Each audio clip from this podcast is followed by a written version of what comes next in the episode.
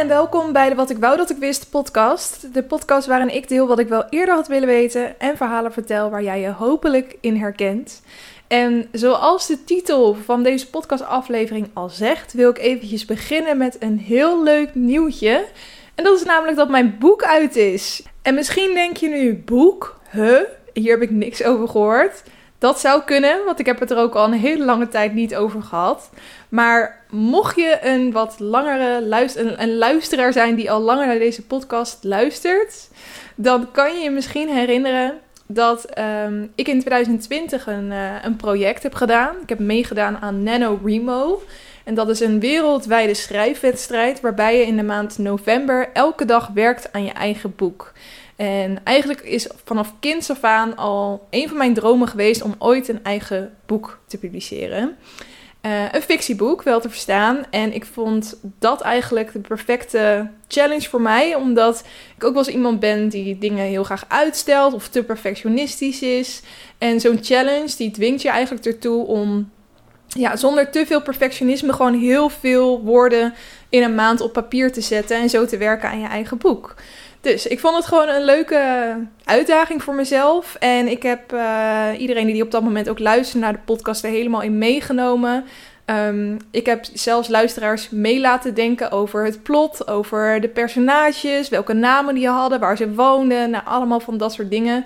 Dus op Instagram Stories post ik dan een story met, nou ik heb nu dit personage bedacht, hoe moet hij of zij gaan heten? En daar kwamen dan allemaal antwoorden van jullie uit en dan uh, uh, koos ik daar bijvoorbeeld wat uit. Dus dat was echt een superleuk proces. En uiteindelijk had ik dus ook echt een flink aantal woorden op papier staan. Waarmee ik toch echt wel kon zeggen dat het een boek was. Dus dat um, was heel cool. Maar goed, toen was het ook klaar. En toen begon de decemberperiode. Toen dacht ik, nou, ik vind het allemaal wel eventjes goed. En toen in uh, januari 2021 dacht ik, wat ga ik er nu precies mee doen? Ga ik hier echt werk van maken? En toen um, heb ik een meisje benaderd die mijn boek uiteindelijk is gaan redigeren. Dus dat betekent dat zij, uh, zij, zij heeft echt verstand van schrijven, zeg maar. Dus zij is hem toen helemaal na gaan lopen of de verhaallijn wel klopte. Of ik ook um, ja, rechtmatige dingen, of ik dat wel op die manier kon neerzetten. Of uh, grammatica, spelling, eigenlijk alles. Dus dat heeft zij toen gedaan. En toen had ik een soort definitieve versie van mijn boek. En dat um, heb ik toen naar uitgevers gestuurd. En mocht je ooit dat hebben gedaan, dus een boek naar uitgevers hebben gestuurd, dan weet je misschien dat dat best wel een lullig proces is. Want je hebt dus een algemeen mailadres waar je dat naar kan sturen. En zij krijgen ontzettend veel boekenscripts opgestuurd. En het is natuurlijk ook best wel wat werk om dat allemaal door te nemen. Ze hebben daarom ook hele strenge richtlijnen over hoe jouw inzending eruit moet zien. Dus er moet een stukje over de auteur in zitten. En de samenvatting van het boek. En dat moet allemaal weer op precies de manier zoals zij dat aangeleverd willen hebben ontvangen worden. Soms is dat zelfs ook per, op papier. Dus ik heb ook een keer mijn boek uitgeprint en het echt per post opgestuurd. En zelfs dan zeggen ze, krijg je eigenlijk een mailtje terug, een automatisch mailtje met, um, ja, er kunnen gewoon minstens drie maanden overheen gaan voordat we hebben gekeken naar jouw uh, script en voordat we kunnen zeggen of we verder met je willen of niet. Dus nou, dat was natuurlijk best wel eventjes een spannende periode en ook überhaupt het uitzoeken naar welke uitgevers je het allemaal kan sturen, waar die goed bij past. En um, nou, het half jaar daarna was ik dus eigenlijk mee bezig met wachten tot ik reacties kreeg. Dus elke keer ververste ik mijn mail of wat dan ook en uh, had ik nog niks. Nou, uiteindelijk kwamen de reacties een beetje binnenstromen. En helaas is natuurlijk ook maar een hele kleine kans dat jij uitgekozen wordt voor zoiets. Zeker als je een nieuwe auteur bent. Um, werd ik dus door ze allemaal afgewezen. En dat is natuurlijk best wel even een beetje pijnlijk, want je gaat toch, misschien herken je dat ook wel op het moment dat je bijvoorbeeld een boek, uh, of sorry, een, uh, een huis gaat kopen. Je gaat toch op het moment dat je helemaal in dat proces zit, uh, jezelf al helemaal daar zien wonen. En dat had ik ook een beetje met dat boek. Ik had in eerste instantie, toen ik begon met schrijven, niet eens het idee dat ik er iets mee wilde doen. Maar als je dan toch in zo'n proces zit dat je een brief aan een uitgeverij aan het opstellen bent, waarin je soort van jezelf moet promoten als auteur, dan ga je er op een gegeven moment ook wel heel veel uh, ja, energie in leggen. En ga je bijna een soort van visualiseren dat je op een gegeven moment een auteur bent met een uitgegeven boek. Dus um, dat was natuurlijk best wel eventjes pijnlijk dat al die afwijzingen binnenkwamen. Ook al wist ik dat die kans gewoon ontzettend groot was. Dus toen dacht ik, weet je, ik laat het eventjes een tijdje zo. Uh, ik kijk wel wat ik ermee ga doen. En eigenlijk begin dit jaar um, werd het zo'n project waar ik dan af en toe aan terugdacht en dacht, eigenlijk best wel zonde dat ik daar niks mee doe. Maar misschien herken je dat ook wel, dat op een gegeven moment um, je ook steeds meer erop terug gaat kijken en denkt, ja, maar misschien was het ook helemaal niet goed. Weet je, misschien moet ik er ook helemaal niks meer mee doen. Misschien ligt het wel prima gewoon op de plank. En um, uh, nou, ik heb ook een aflevering gemaakt waarin ik vertelde dat ik een beetje op de automatische piloot begon te leven. Ik ben, was gewoon allemaal projecten aan het doen en voor de rest nergens op doelen aan het focussen buiten dat. En um, toen dat dus switchte, toen ik echt ging kijken naar, nou, wat voor plannen had ik eigenlijk allemaal voor dit jaar. Toen kwam ik toch ook wel een groot doel tegen en dat was om dat boek uiteindelijk toch naar buiten te brengen. Dus wat ik heb besloten is om het dus zelf te gaan publiceren. Uh, nou moet je je daar niet een te groot iets bij voorstellen, want je kan dus ook echt uh, je boek naar een drukker laten brengen en um, dus meerdere ja, boeken echt op, op papier laten drukken. En um, volgens mij kan je hem dan zelfs nog uh, op creatieve manieren in een boekenwinkel krijgen. Of je verkoopt hem gewoon zelf via een website en dan stuur je het op naar mensen. Maar goed, er hangen natuurlijk ook best wel flinke kosten aan. En dat is een heel proces om dat uiteindelijk weer draaiende te krijgen. En ik had nu zoiets van: ik wil gewoon dat het bij jullie, dus de mensen die het echt leuk vinden um, om een boek te lezen, die echt het hele proces hebben gevolgd, dat zij gewoon voor een fijn prijsje dat boek kunnen lezen. En ik wil ook vooral niet je verwachtingen te hoog stellen. Het is geen uh, super bijzonder boek. Het is gewoon een fictieboek dat ik uit de losse hand geschreven heb, waar ik heel veel plezier uit heb gehaald met het schrijven. En um, waarvan ik denk dat sommige mensen het best wel leuk vinden om te lezen. Maar het verwacht vooral niet te hoge kwaliteit. En dan moet ik ook weer niet te kritisch zijn op mezelf natuurlijk. Maar um, om het toch een klein beetje in te dekken. Ik vind het toch spannend dat straks mensen het gaan lezen. Verwacht er niet te veel van. Maar als je gewoon op zoek bent naar een uh, leuk, gezellig boek voor in de decembermaand waar je makkelijk doorheen komt, dan is dit denk ik wel een goede voor je. Dus, conclusie. Mijn boek is nu te koop. Op kellybatis.nl slash shop kan je uh, het e-book, want het is dus wel een e-book, um, kopen voor 9,99 euro. Op het moment dat je uh, dan je online bestelling hebt afgerond, ontvang je een downloadlink in het, uh, in het eindscherm, maar ook per mail ontvang je hem nog. En dan kan je hem dus zelf op uh, je Kindle of je Kobo e-reader of je iPad of waar je dan ook graag op leest, daar kan je hem gewoon zelf opzetten en dan, dan kan je hem gaan lezen. Dus dat is wel heel tof dat hij er nu is. Nou, heel verhaal over de totstandkoming van dat boek. Maar ik zal uiteraard ook even vertellen waar het over gaat. Het is voor mij dus alweer ruim twee jaar geleden dat ik dit allemaal heb geschreven. En ik heb het best wel een beetje gebaseerd op mijn eigen leven, omdat ik ook wel als tips kreeg om het wel te, wel te schrijven over dingen die je kent. Dus nou, ik was toen 26, nee, ik zou dan 27 moeten zijn geweest. Dus ik had haar één jaar jonger gemaakt dan ik. Dus ze is 26 en ze woont ook in Amsterdam. En um, ze zit ook een beetje in media, evenementenwereld en dergelijke. Dus je zal misschien ook tijdens het lezen af en toe dingen voorbij zien komen dat je denkt, oh, hier heeft Kelly het ook wel eens over gehad, omdat dat toch het makkelijkste is om over te schrijven. Maar goed, de samenvatting van het boek. Noor is 26 jaar, eventmanager en woont in Amsterdam. Ze heeft haar hele leven op de rit, ze is succesvol en gelukkig. Tot het leven dat ze kende volledig op zijn kop wordt gezet. Door een wereldwijde pandemie raakt ze haar baan kwijt, kan ze haar huis niet meer betalen en weet ze niet meer wie ze is. Er komen nieuwe kansen op haar pad, maar zijn die kansen ook de juiste? Ze gaat een jaar tegemoet dat haar verder van zichzelf doet verwijderen dan ooit. En een jongen die haar hoofd meer op hol brengt dan ze zelf zou willen. Een verhaal over rampjaar 2020, het vinden van je eigen identiteit en je openstellen voor de liefde. Dus dat is de samenvatting. Dus ja, je snapt ook wel, het was in het jaar 2020 geschreven. Um, dat was toen zo'n groot thema, die hele coronacrisis, dat dat echt een onvermijdelijk onderdeel van het boek uh, is geworden. En het eigenlijk ook heel veel inspiratie bood um, om daar een soort verhaal omheen te verzinnen. Dus het gaat daar niet te diep op in. Maar um, het brengt je misschien wel terug een beetje naar dat jaar als je het leest. Bijvoorbeeld over de persconferentie die, toen gaan, die er toen gaande waren. Die heeft Noor dan ook gezien. En wat zij dan wat er dan op haar leven, in haar leven gebeurde aan de hand van die persconferenties. Dus meer zal ik er niet over vertellen, want ik wil natuurlijk ook dat jullie het gaan lezen en ook nog verrast worden door bepaalde plotwendingen. Maar um, ja, ik, uh, ik denk dat het gewoon echt zo'n leuke chick flick is. Zeker voor deze decembermaand, die je misschien aan jezelf cadeau kan geven of aan een vriendinnetje. Um, en hij is dus te koop op kellybatis.nl slash shop. Thanks alvast als je daar je geld in wil steken. Dat zie ik echt als een enorme eer. En ik ben heel erg benieuwd naar wat jullie er allemaal van gaan vinden. Goed, dan gaan we nu door naar de reguliere gang van zaken. Um, het hoofdonderwerp, ja, dat is deze week dus eventjes weer een ander format. Of een format dat ik wel vaker toepas in deze podcast. Namelijk het lezen van Reddit-verhalen. Mocht je het platform Reddit niet kennen, het is eigenlijk een soort discussieplatform. Mensen kunnen er topics op plaatsen onder verschillende onderwerpen. En daar kan dan over gediscussieerd worden. Maar het wordt ook gebruikt om memes te delen, om kennis te delen. Maar dus ook om bijzondere verhalen van dingen die je hebt meegemaakt met elkaar te delen. Nou, ik um, was dus op, op, zoek gegaan naar allemaal interessante, leuke verhalen die ik met jullie kon delen. Dus bijvoorbeeld, um, je hebt uh, de subreddit Today I Fucked Up. Nou, zo begint dus een verhaal wat mensen gaan vertellen. Dus ik was daar zo mee begonnen.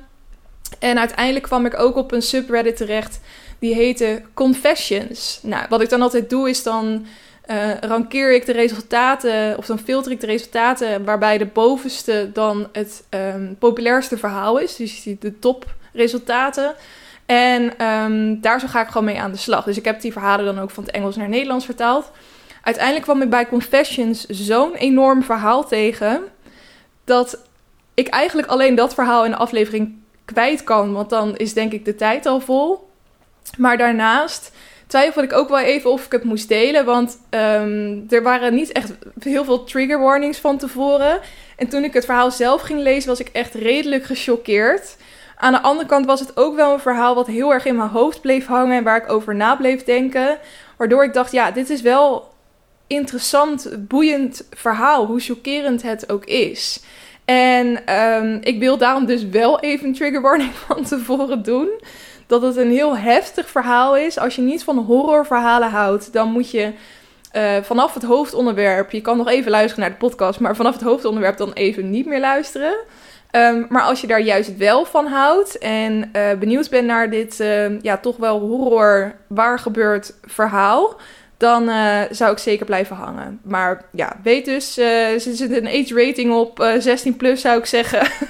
als je eronder bent, zeker niet luisteren. En als je niet van enge verhalen houdt, ook niet. Maar goed, dat komt dus verderop in de aflevering. Want zoals altijd ga ik eerst nog even wat leuke blokjes met jullie doornemen. En ik begin met een terugblik op mijn week. afgelopen week was natuurlijk de laatste week dat Nederland meedeed aan het WK. En um, ja, volgens mij heb ik het wel eerder benoemd. Ik zit niet helemaal in het voetbal. En zeker met dit WK merk ik dat die oranje gekte bij mij nog niet helemaal aan is. Maar ik had wel zoiets van, oké, kwartfinale, hè, dan wordt het wel interessant. Dus omdat het op een vrijdagavond om 8 uur was, uh, dacht ik van, nou, dat is wel lachen om zeker met een groep vriendinnen even te gaan kijken. Nou, er was voorgesteld om dat in een café in Amsterdam te gaan kijken. En ik zag dat al helemaal voor me, dat we dan ergens lekker met hapjes en biertjes op tafel uh, joelend naar de tv zaten te kijken. Dus ik dacht, nou, dat wil ik wel doen. Um, toen hoorde ik al wat, wat appjes die avond, zag ik voorbij komen van ja, we moeten wel op tijd zijn, want het is misschien wel druk. Toen dacht ik, oké. Uh, en toen ging ik er uiteindelijk heen om half acht of zo, kwart over zeven. En om acht uur begon het. En ik kwam daar aan bij die tent en het was druk de mensen die stonden gewoon toen al buiten de tent zelf. En nou ja, dat zal je niet verrassen, maar iedereen stond dus. Dus mijn hele idee van lekker zitten aan een tafeltje met bitterballen, biertje en dan die tv, dat ging niet helemaal op. Je kon de tv zien, want hij ging helemaal vol met tv's. Er stond keiharde muziek aan en het was super druk binnen. En mijn vriendinnen die stonden helemaal achterin de tent tegen de muur aan, waar de tv dus ook was.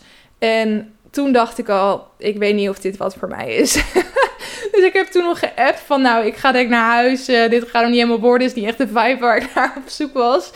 Toch laten overtuigen om heen te gaan. Dus toen ben ik wel um, me door die mensenmenigte heen gaan duwen. En uh, stond ik uiteindelijk daar. Maar ook natuurlijk drank halen was echt wel een, een drama. Dus wel van die grote bierpullen gehaald die we dan, waar je dan iets langer mee, uh, mee doet. Ik dacht, nou, biertje, uh, even dansen op de muziek. En uiteindelijk om achter starten die wedstrijd. Dus toen uh, waren we die aan het kijken. En um, nou ja, dat was, er gebeurde nog niet zo heel erg veel in die eerste helft natuurlijk. Dat was wel jammer. En ik merkte gewoon wel dat ik niet helemaal op hetzelfde level zat als veel mensen om mij heen.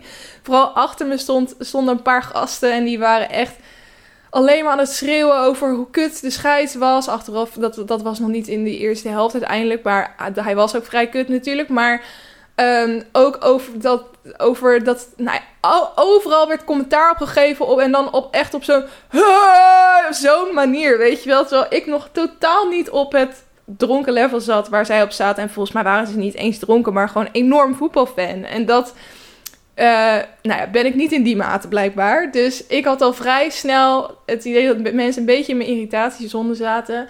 Uiteindelijk wel heel de eerste helft daar zo gekeken. Was gezellig, een beetje gekletst met vriendinnen. Maar daarna heb ik wel gezegd, dit is niet helemaal mijn ding. En toen ben ik naar huis gegaan. toen heb ik nog wel de wedstrijd op de bank zitten kijken met mijn vriend. En uh, toen werd het natuurlijk pas echt spannend. En zeker op het eind, toen ze in de laatste minuut nog even scoorden, waardoor ze uh, strafschoppen gingen doen. Nou, toen dacht ik wel dat die kroeg die gaat nu helemaal los.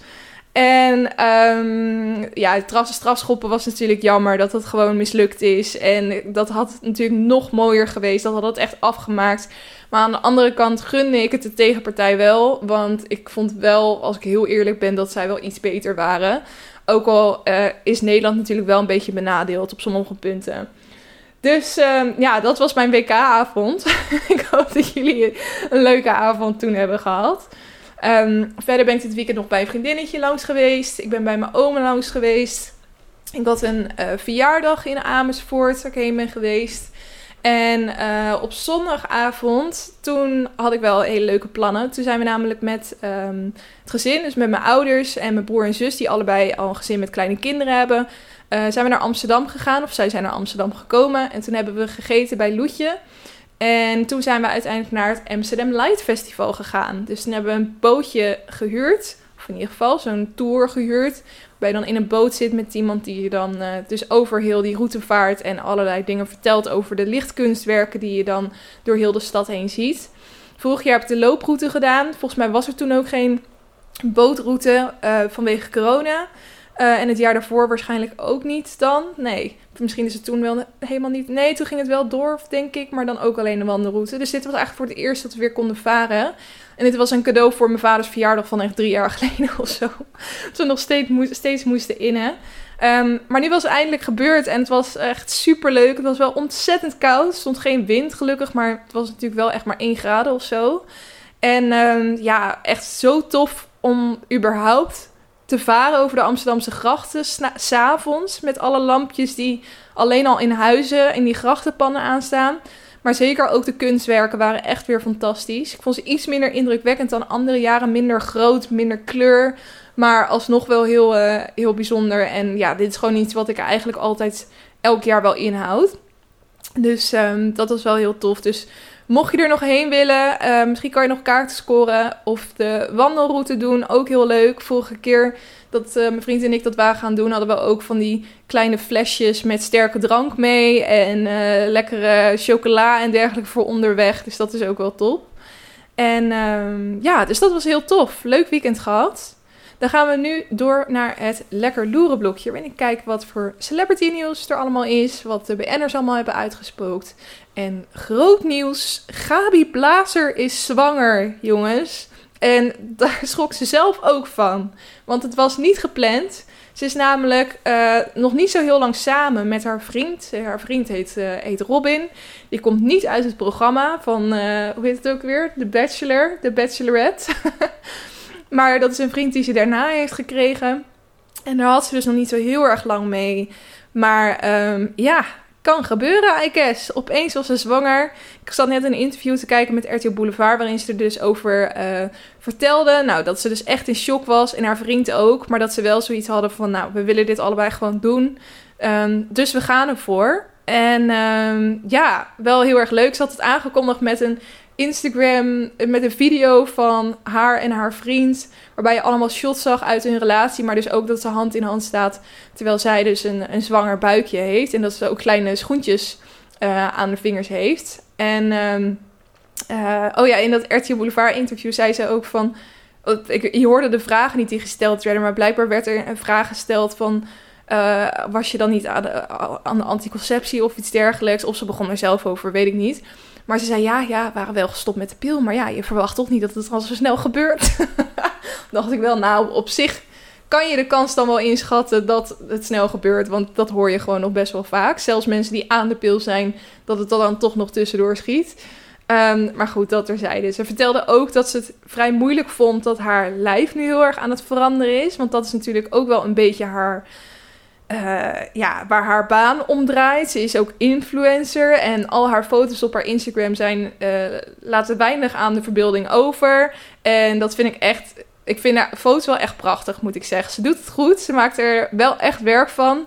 En ze traint zich helemaal kapot volgens mij. Maar ja, um, je kan trainen wat je wil, maar je gaat toch een buik krijgen met een zwangerschap. En dat is alleen maar iets heel moois. Maar ik had wel het idee dat zij daar zelf wat moeite mee had. En... Um, ik zat ook met wat vriendinnetjes te chatten. En die zeiden ook van ja, ik ben wel benieuwd hoe dat dan straks gaat als die baby er is. Weet je wel? Of je dan nog steeds um, dezelfde Instagram-stijl wil aanhouden. Of dat ze dan een soort mom, momfluencer, mommy-influencer wordt. Uh, omdat ze wel ook zei van ik wil wel heel veel delen van de zwangerschap. Dus ik ben wel benieuwd wat ze daar dan, uh, dan precies mee gaat doen. Maar ja, wel leuk voor haar. Ik denk dat ze wel echt een hele lieve mama gaat zijn voor zo'n kleintje. Ik heb nog niet gezien of het een jongen of een meisje is, maar misschien is het daar uh, ook nog iets te vroeg voor.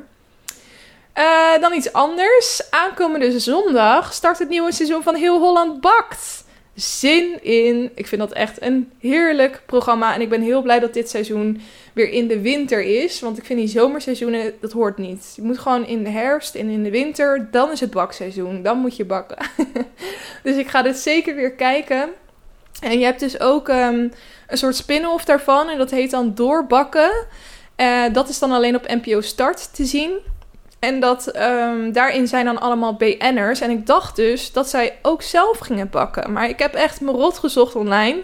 En ik krijg toch echt het idee dat zij dan gewoon in een studio zitten en reageren op fragmenten uit Heel Holland Bakt. Ik heb het, het, het is niet een nieuw programma trouwens, dat doorbakken, dat, die spin-off zeg maar. Um, maar ik heb het andere jaren niet gezien. En nu zag ik opeens allemaal BN'ers die er dan aan mee zouden doen. Maar volgens mij is het dus vooral dat je dan in de studio zit. Nou, bijvoorbeeld uh, uh, rapper Donny zit dan in de studio. En even kijken of ik nog meer mensen zag. Ja, en dus ook uh, Ruben Nicolai, Mike de Boer en Femke Louise. Die gaat dus ook met dat doorbakken in de studio zitten. Nou ja, dus ik dacht eerst, ik was helemaal excited dat er soort BN'ers gingen bakken. Als dat toch echt zo is, stuur me dan even een berichtje, want dan heb ik het verkeerd begrepen. Maar volgens mij zitten ze dus alleen in de studio. Dat lijkt me wel heel erg leuk om te zien namelijk. Um, over Femke Louise gesproken. Zij gaat geroost worden. En hard ook, denk ik. Er komt namelijk uh, iets aan. The Roast of Femke Louise op Comedy Central. Dat is natuurlijk niet nieuw dat ze dat doen. De roast, daar hebben al eerder mensen in gezeten. Eh, BN'ers, influencers, noem het maar op. En ik vond het toch wel bijzonder dat zij uh, dit, dit wilde. Zo hard geroost worden in zo'n programma. Want dat had ik op een, of andere manier, op, op of andere manier niet met haar ge, gematcht. Er is natuurlijk wel vaak kritiek op haar geweest. En ik heb het idee dat ze dat dan toch altijd best wel aantrok of daar iets mee wilde doen. Uh, en het niet zomaar als een grapje over de rug liet gaan. Dus ik uh, vind het eigenlijk ook wel weer heel cool dat ze zoiets heeft. Dat ze genoeg zelfspot heeft om zichzelf daar neer te zetten en door allemaal mensen um, te laten roosten. Nou, wie zijn dat dan allemaal? Uh, Busy gaat het doen, Sylvia Geersen. Mike de Boer, Peter Pannenkoek, Nessim El Amadi, Patricia Pai. Een heel lijstje met mensen. En vooral die Busy vond ik ook wel bijzonder, want Dat is ook al wel weer een aantal jaar geleden. Maar zij viel natuurlijk onder zijn management. En toen was er een documentaire naar buiten gekomen over dat zij gebroken waren met elkaar. Want ze wilden helemaal de eigen weg gaan kiezen. En dat ging toen niet heel erg lekker tussen die twee. Dat boterde niet helemaal. Dus um, uh, ja, daar kunnen ook best wel wat extreme grappen uitkomen. En ik hoop dat die dan wel gewoon. Dat, dat zal wel weer oké zijn met elkaar. Dat dan, dat dan niet te veel gaat botsen. Um, ja, dus we gaan het zien. Ik ben benieuwd. Uh, wanneer gaat dit ook weer plaatsvinden? Kijken of ik dat nog zo snel kan vinden. 19 december. Oh ja, dus dat is volgende week maandag. Ja, dat is volgende week maandag op Comedy Central. Oh ja, daar kwam ik nog dit verhaal tegen. Heel bizar verhaal. Uh, Grey's Anatomy, die ziekenhuisserie, die ken je vast wel. Vind ik altijd heel erg leuk om te kijken. Alleen ik vergeet altijd waar ik ben gebleven. En dan vind ik dat weer irritant. En dan kom ik er... Maakt niet uit. Grey's Anatomy heeft een, uh, een schrijfster. Die, die dus die, die, die hitserie schrijft.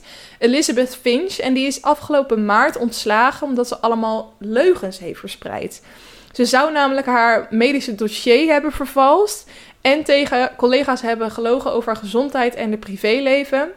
En nu heeft ze dus een interview gegeven. En daar heeft ze dus onthuld hoeveel daar nou eigenlijk van waar is. En ze geeft dus toe dat ze echt heeft verzonnen dat ze een zeldzame vorm van botkanker had. Nou, ik ga je even meenemen in het verhaal. Aan het Amerikaanse mediabedrijf De Enkler laat ze dus weten dat ze nooit kanker heeft gehad. Ze zegt: Ik heb gelogen en daar is geen excuus voor. Eerder vertelde ze ook al dat haar oudere broer zelfmoord heeft gepleegd. Haar broer leeft gewoon nog en werkt als arts in Florida. Ik weet dat het absoluut verkeerd is wat ik heb gedaan, zegt ze nu in het interview, waarin ze ook poogt te verklaren waarom ze over zoveel dingen heeft gelogen. De beste manier waarop ik het kan uitleggen is dat wanneer je een niveau van trauma ervaart, veel mensen een onaangepast copingmechanisme aannemen. Welke trauma's ze heeft meegemaakt, deelt ze niet. Wel legt ze uit dat haar gedrag overeenkomt met dat van alcoholisten en drugsverslaafden. Sommige mensen drinken om dingen te verbergen of te vergeten. Drugsverslaafden proberen hun realiteit te veranderen. Sommige mensen snijden zichzelf. En ik lieg. Dat was mijn manier om ermee om te gaan en mijn manier om me veilig, gezien en gehoord te voelen. De leugens begonnen in 2007 en in die periode raakte haar knie dus ernstig geblesseerd tijdens het hiken. En toen moest ze een operatie ondergaan. Die vond dus wel echt plaats. Iedereen was zo aardig en attent in de aanloop naar de operatie. Ze waren zo ondersteunend en toen werd mijn knie vervangen. Het was een geweldige herstel, herstelperiode en toen was het ineens doodstil omdat iedereen ervan uitging dat ik was genezen. Ik had geen steun meer, dus verzon ik iets omdat ik aandacht nodig had en zo ging het van kwaad tot erger. Dat is waar de leugen begon, in die stilte. Nou, ze heeft ook nog gelogen over het verliezen van een nier en een deel van haar been.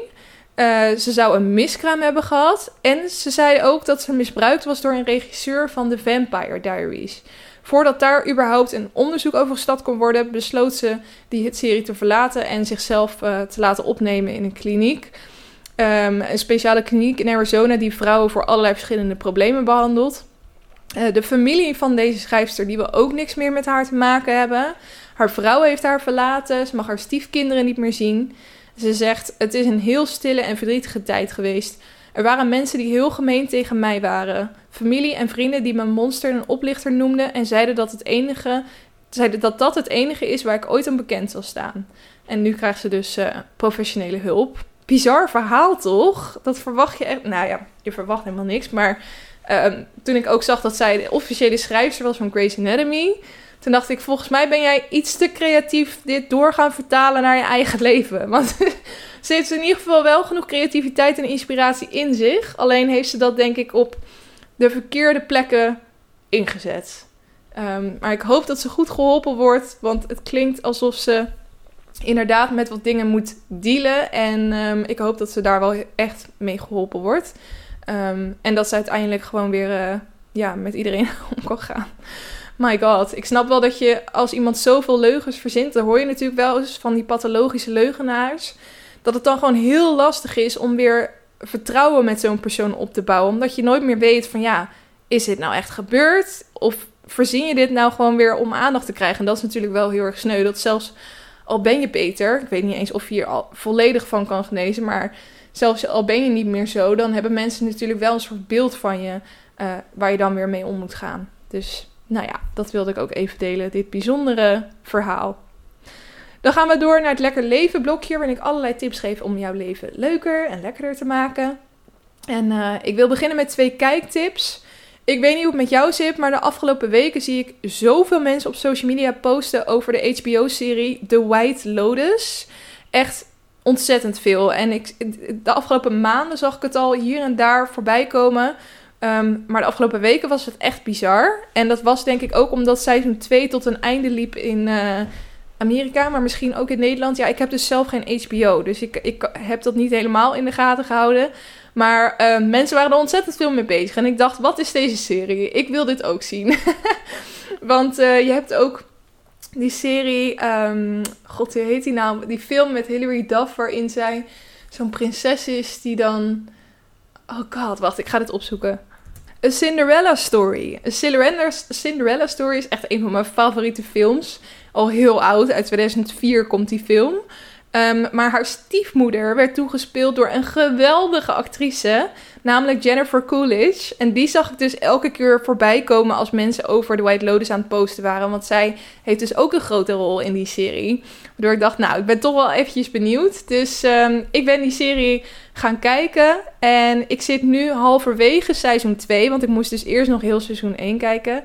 En het gaat over uh, ja, mensen die in een mensen de gaat over mensen die in een resort verblijven voor een week. Dus het zijn allemaal toeristen en je ziet eigenlijk hoe zij dus op vakantie zijn. Dus het eerste seizoen speelt zich af op Hawaii, het tweede seizoen op Sicilië.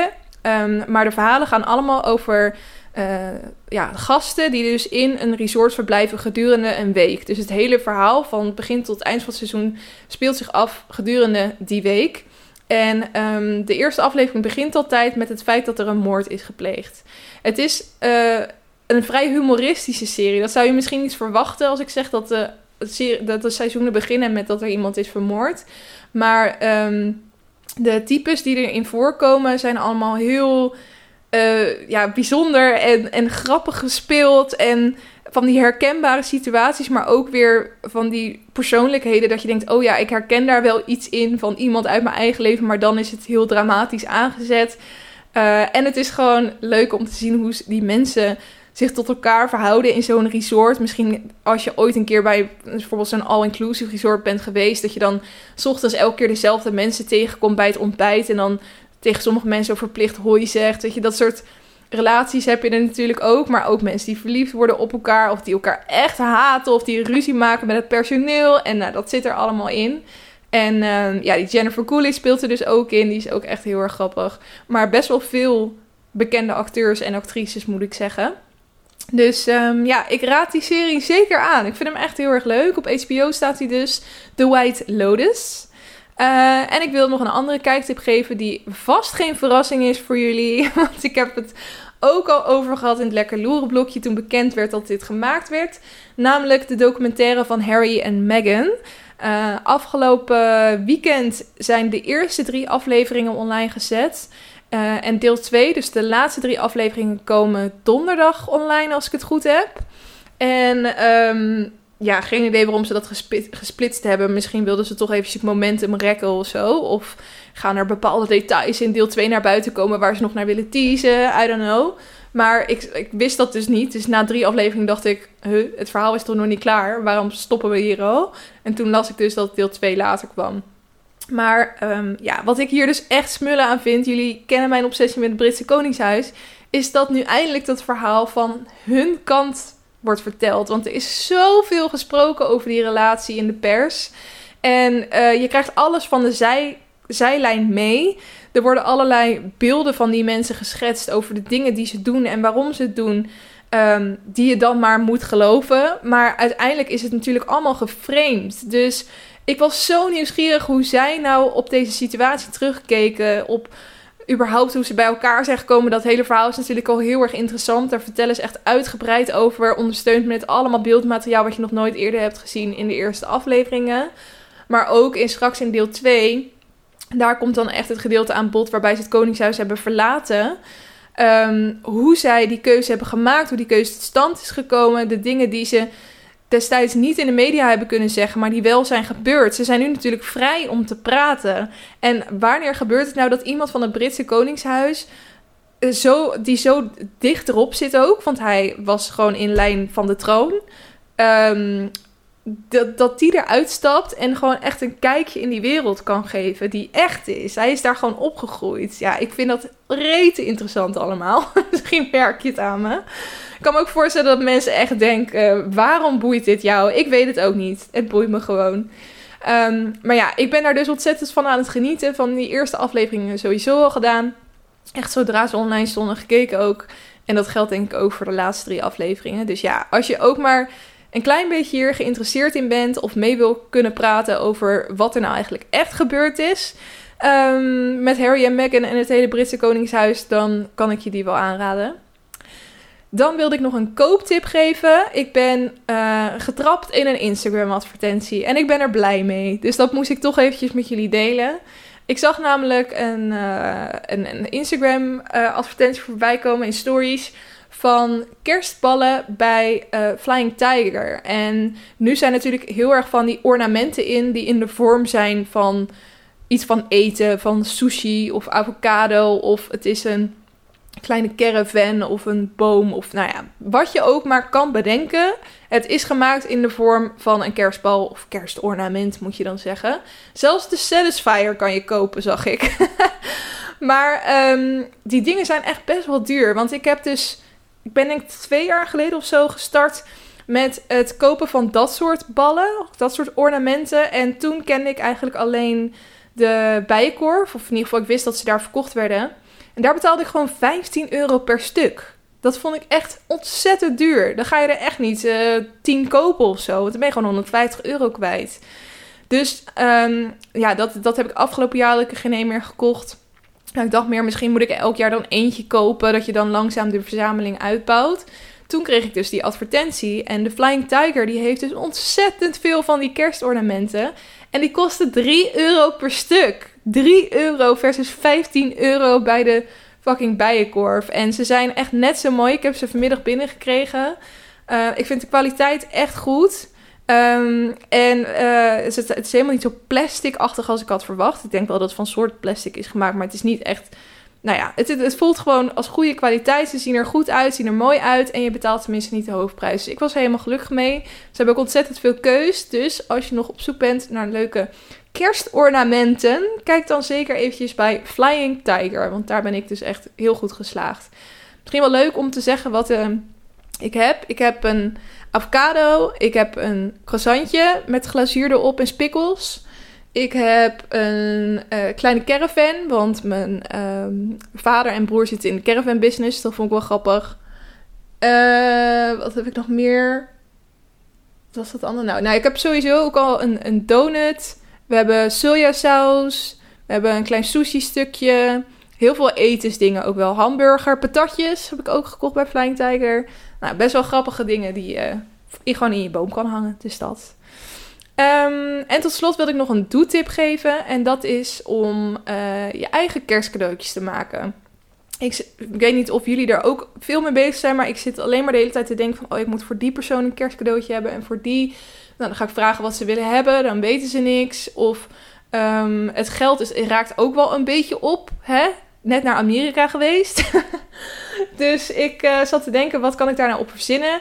En toen legde ik dat neer naast het feit dat ik meer tijd wil besteden aan mijn creatieve hobby's. Toen dacht ik, waarom kan ik niet zelf leuke kerstcadeautjes maken?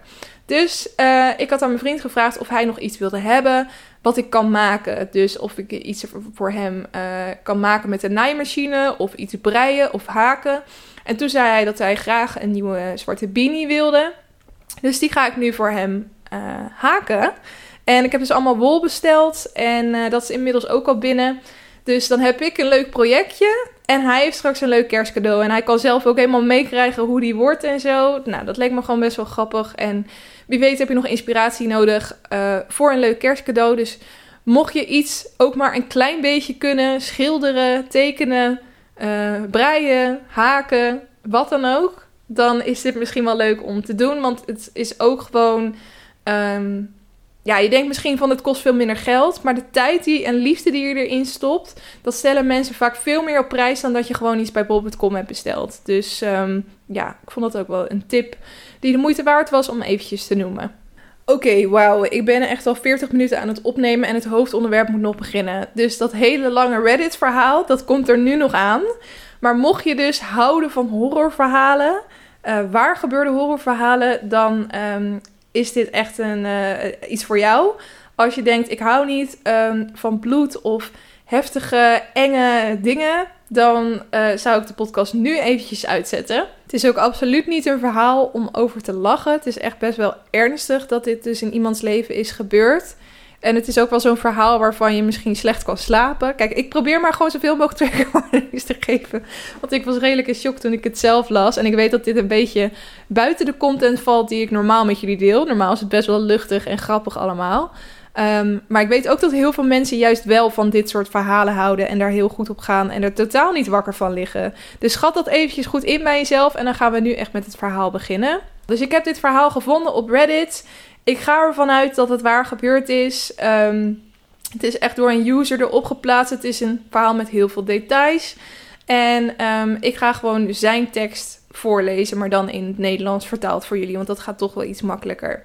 De titel van dit verhaal is trouwens I stood by and allowed my wife to almost kill our son. I was happy she did it. Dan heb je al een kleine teaser van het verhaal. Dus hij begint ook zelf met: Oké, even een waarschuwing. Dit verhaal is echt heel lang. Sorry daarvoor, maar dit is erg moeilijk voor mij en ik draag het al vele jaren met me mee. Op het advies van mijn therapeut heb ik het allemaal opgeschreven om te proberen mijn gevoelens te begrijpen. Hij raadde me natuurlijk niet aan om het op Reddit te zetten, maar ik heb hier lang mee geworsteld en ik moet de mening van anderen hierover horen. Ik heb nog steeds echt geen idee hoe ik erover denk, zelfs na al die jaren, maar ik zal me onderwerpen aan het oordeel van de massa. Ik weet dat ik sommige dingen verkeerd heb gedaan, waarschijnlijk een heleboel dingen. Ik probeerde gewoon het beste te doen dat ik kon. Mijn zoon was een probleemkind, een behoorlijk probleemkind. Als je de film We Need to Talk About Kevin hebt gezien, zal het echt helpen om te begrijpen waar ik het over heb. Want ik zweer je dat toen ik naar die film keek, ik dacht dat ik naar een documentaire van mijn eigen leven keek. Het voelde alsof de schrijvers camera's verborgen hadden in mijn eigen huis, zo nauwkeurig was het. Het enige verschil is dat in die film de jongen normaal lijkt voor zijn vader en alleen zijn ware aard aan zijn moeder onthult. Bij mijn zoon was dat masker niet. Zijn krankzinnige gedrag was bij iedereen hetzelfde. Vanaf de dag dat hij werd geboren kwam mijn zoon er gewoon verkeerd uit. Hij was wel gepland. Mevrouw en ik probeerden zwanger te worden en we waren extatisch toen hij werd geboren. Hij was gewild en geliefd. We hebben genegenheid over hem uitgestort en echt geprobeerd hem een gelukkige jeugd te bezorgen. Maar vanaf de dag dat we hem uit het ziekenhuis naar huis brachten, voelde hij zich ellendig. Hij huilde 13 maanden achter elkaar. Ik overdrijf niet, 13 maanden zonder pauze. Hij huilde tot hij geen stem meer had en bleef maar huilen. Je kon zijn gezichtje in één gekrompen zien en er kwam geen geluid uit, totaal hees. Er waren tijden dat hij letterlijk in zijn slaap huilde. Ik heb nog nooit een ander kind gezien of gehoord dat dat kan. We brachten hem naar dokters, specialisten, probeerden zijn dieet te veranderen. We hielden hem vast, we wiegden hem, speelgoed, inbakeren, muziek, alles wat we maar konden bedenken. Niets werkte. 13 maanden helde hij. Toen hij eenmaal over het huilstadium heen was, dachten we dat we oké waren. Maar al snel werd duidelijk dat hij om de een of andere onbekende reden gewoon boos was dat hij nog leefde. Ik heb die jongen nog nooit een oprechte, vrolijke glimlach zien hebben in de tijd dat ik hem kende.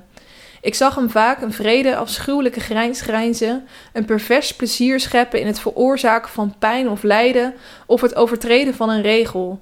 Maar een glimlach door plezier of iets aardigs? Nee, nooit. Niet één keer. Hij had geen interesse in iets positiefs. Hij werd gevoed door haat en alles wat hij deed was erop gericht. Zodra hij kon lopen, was zijn missie in het leven om dingen te vernietigen.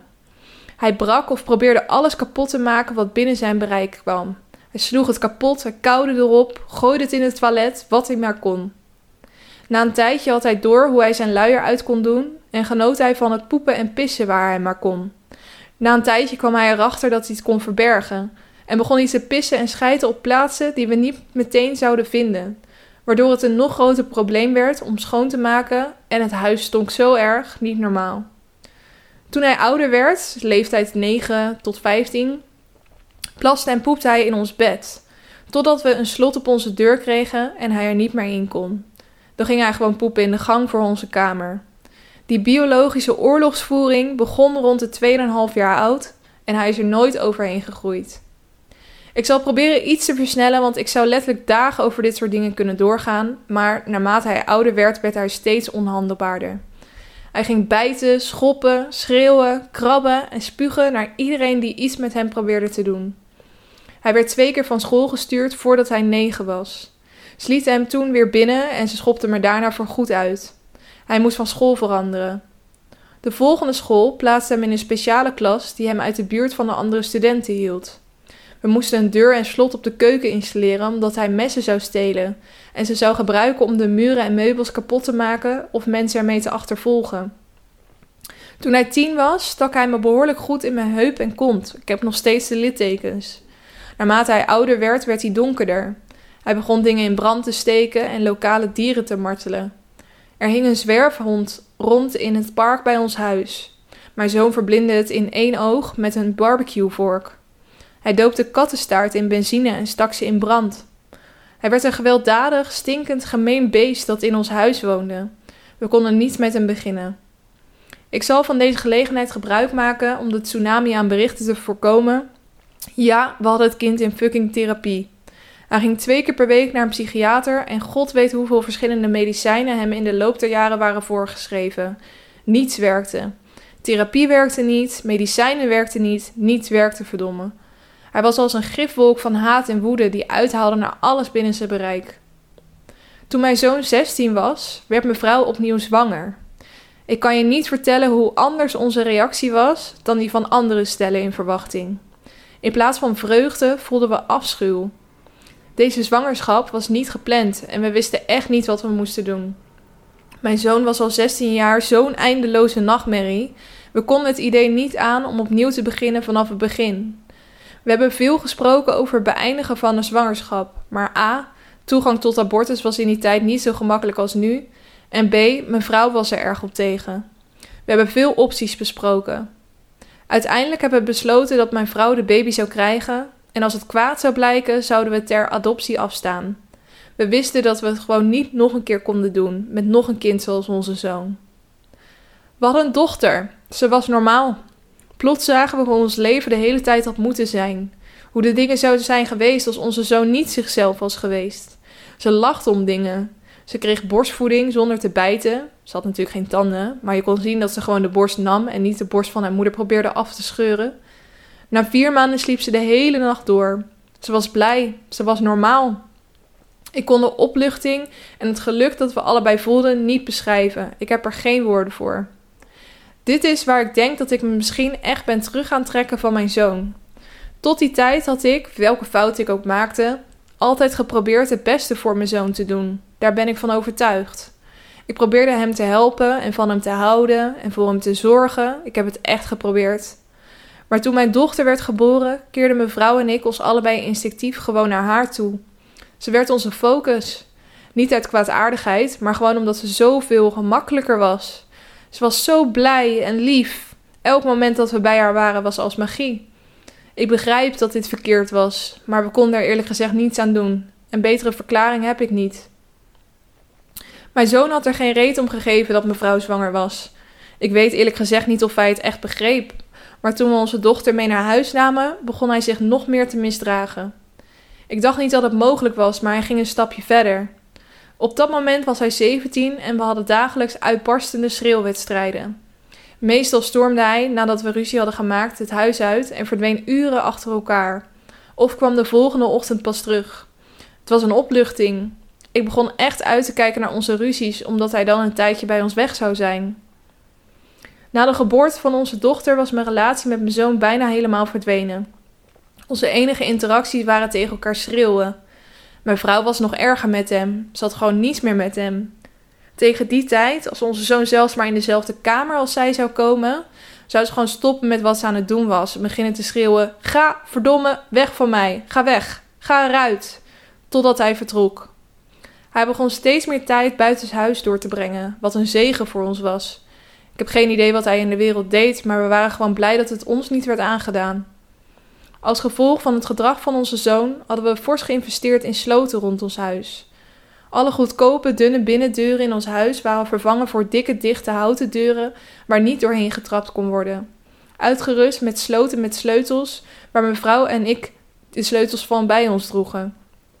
Ik weet dat het extreem klinkt, maar sloten en zware deuren waren de beste manier die we hadden gevonden om veilige ruimtes voor hem te creëren. En nogmaals, voordat ik overspoeld word met berichten, ik sloop mij zo niet als een gevangene op in kamers. Hij had een vrije hand in huis en kon komen en gaan wanneer hij wilde. Mijn vrouw en ik sloten onszelf op in kamers om onszelf tegen hem te beschermen. Eigenlijk waren wij de gevangenen in ons eigen huis. Op een dag had ik ochtends ruzie gemaakt met mijn zoon en hij had woedend het huis verlaten. Mijn vrouw en ik genoten van de rust in de keuken, terwijl onze dochter een dutje deed in onze slaapkamer. En toen begon mijn dochter te huilen. Elke ouder met jonge kinderen kan je vertellen dat je went aan het huilen van je kind. En je weet na een tijdje gewoon wat ze nodig hebben. Ze huilen anders als ze honger hebben, of verschoond moeten worden, of gewoon rusteloos zijn en vastgehouden willen worden. Baby's kunnen vrij goed communiceren voordat ze kunnen praten. Deze huil was geen van die dingen. Deze huil was terreur. Zodra we het hoorden, stonden mijn vrouw en ik allebei op uit onze stoelen en renden naar de kamer. De deur was natuurlijk op slot en het duurde een paar seconden om de juiste sleutel te pakken te krijgen en hem open te krijgen. Mijn zoon was in de kamer. We woonden in een bungalow en de klootzak was door het raam geklommen om bij haar te komen. Hij stond boven haar wieg met een steekmes in zijn hand. Ik heb geen idee waar hij die vandaan heeft. Het was niet van een van ons, want wij controleerden onze messen heel zorgvuldig en bewaarden ze altijd in afgesloten laden.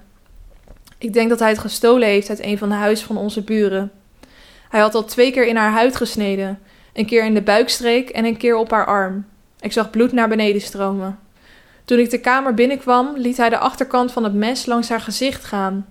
Hij sneed niet, maar hij kietelde haar bijna mee, plaagde haar terwijl ze schreeuwde. Hij keek naar ons op en glimlachte. Voordat ik wist wat ik aan het doen was, was ik al in beweging, aan het rennen om tussen hen in te komen. Ik dacht er niet over na, ik bewoog gewoon instinctief. Zelfs daarmee was mijn vrouw er sneller. Het was net een film die vooruitspoelde. Ze kwam bij onze zoon en sloeg zijn hand weg, sloeg het mes door de kamer en duwde hem toen met haar hele lichaamsgewicht. Zo hard dat hij wegvloog van de wieg en tegen de muur stuiterde. Ik pakte mijn dochter op en hield haar vast terwijl mijn vrouw ons screende. Ik zag haar trillen, bijna stuiptrekkend. Ik kan me de geur van de kamer herinneren, het geluid van mijn dochter die schreeuwde en jammerde, de uitdrukking op het gezicht van mijn zoon toen hij daar stond. Gewoon niks, leeg, dood, er was niks in zijn ogen, geen emotie. Hij leek me een alien. Ik zag hoe mijn vrouw een stap naar hem toe deed. Ik had haar hand kunnen uitsteken en haar tegen kunnen houden, maar dat deed ik niet. Ze deed weer een stap naar voren, heel dicht bij hem. Ik had haar weer kunnen tegenhouden, maar dat deed ik niet. Ze wachtte en keek hem misschien drie tot vijf seconden aan zonder te bewegen. En toen sloeg ze hem in zijn gezicht. Tot nu toe heb je mijn vrouw misschien voorgesteld als een typische vrouw. Klein van postuur, sierlijk, delicaat. Dit is niet het geval. Mijn vrouw heeft wel een klein postuur, maar sierlijk en delicaat is ze niet. Nooit geweest sinds ik haar ken. Sinds haar vroege tienerjaren is mijn vrouw een bokser. MMA bestond toen nog niet, maar karate en boksen waren toen erg populair en mijn vrouw was een zeer getalenteerde amateur. Ze woog ongeveer 60 kilo, maar had veel spieren en ze wist hoe ze moest slaan. Ik was 30 kilo zwaarder en ik twijfel er niet aan dat ze me in een echt gevecht tussen mij en haar zou kunnen verslaan. Hadden geen van beiden ooit uit woede onze zoon geslagen. Maar die dag brak er iets in haar.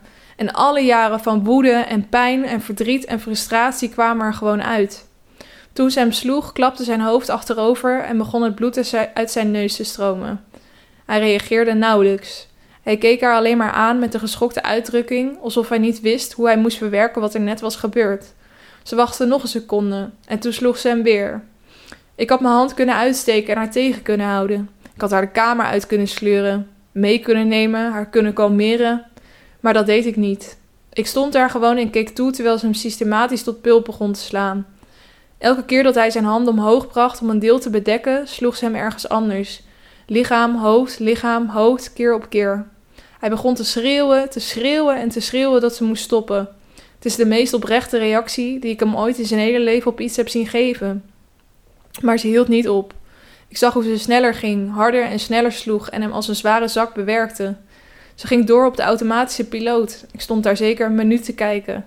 Toen keerde ik ze de rug toe en nam mijn dochter de kamer uit. Ik bracht mijn dochter naar de keuken en was daar in de gootsteen.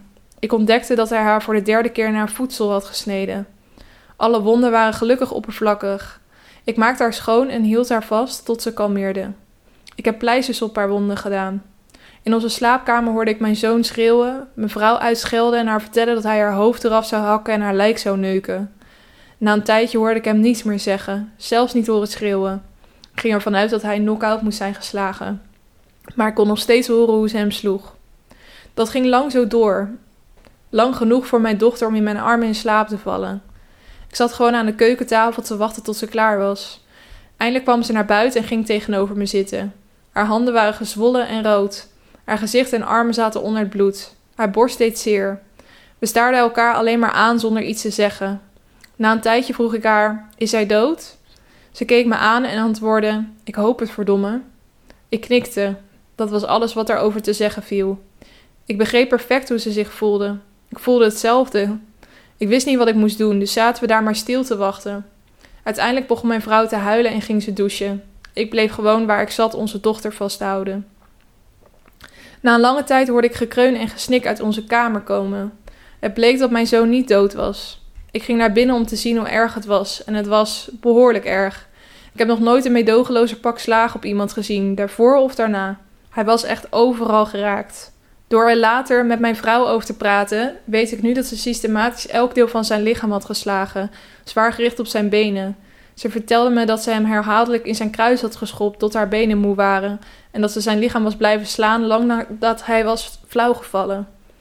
Toen mijn vrouw uit de douche kwam, wist ik nog steeds niet wat ik met onze zoon aan moest. Ik wist niet of ik de politie of een ambulance moest bellen, hem zelf naar het ziekenhuis moest brengen. Ik had eerlijk gezegd geen idee wat ik moest doen. Na een tijdje realiseerde ik me dat het me gewoon niet meer kon schelen wat er met hem gebeurde. En we besloten hem gewoon alleen te laten leven of sterven. Er was een schoonfamiliesuite in de kelder die we nooit echt hadden gebruikt. En mijn vrouw, mijn dochter en ik zijn daar naartoe verhuisd. We hebben gewoon de bovenste verdieping van het huis aan mijn zoon afgestaan en alles op slot gedaan, onze levens volledig gescheiden. Er was genoeg voedsel in de kasten boven, genoeg voor een paar weken of langer. Hij had een wasruimte en slaapkamers om te gebruiken. Wij hadden een wasruimte in de kelder, een kleine kitchenette en een aparte ingang, dus gingen we gewoon niet meer naar boven. We hadden net besloten dat we klaar met hem waren. Ik dacht dat we zijn eten zouden laten opraken en kijken wat er gebeurde. In de loop van de volgende week konden we hem soms boven horen bewegen.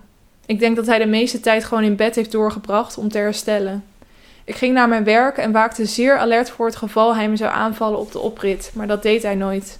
Mijn vrouw bleef thuis bij onze dochter. Ze was nooit uit ons zicht.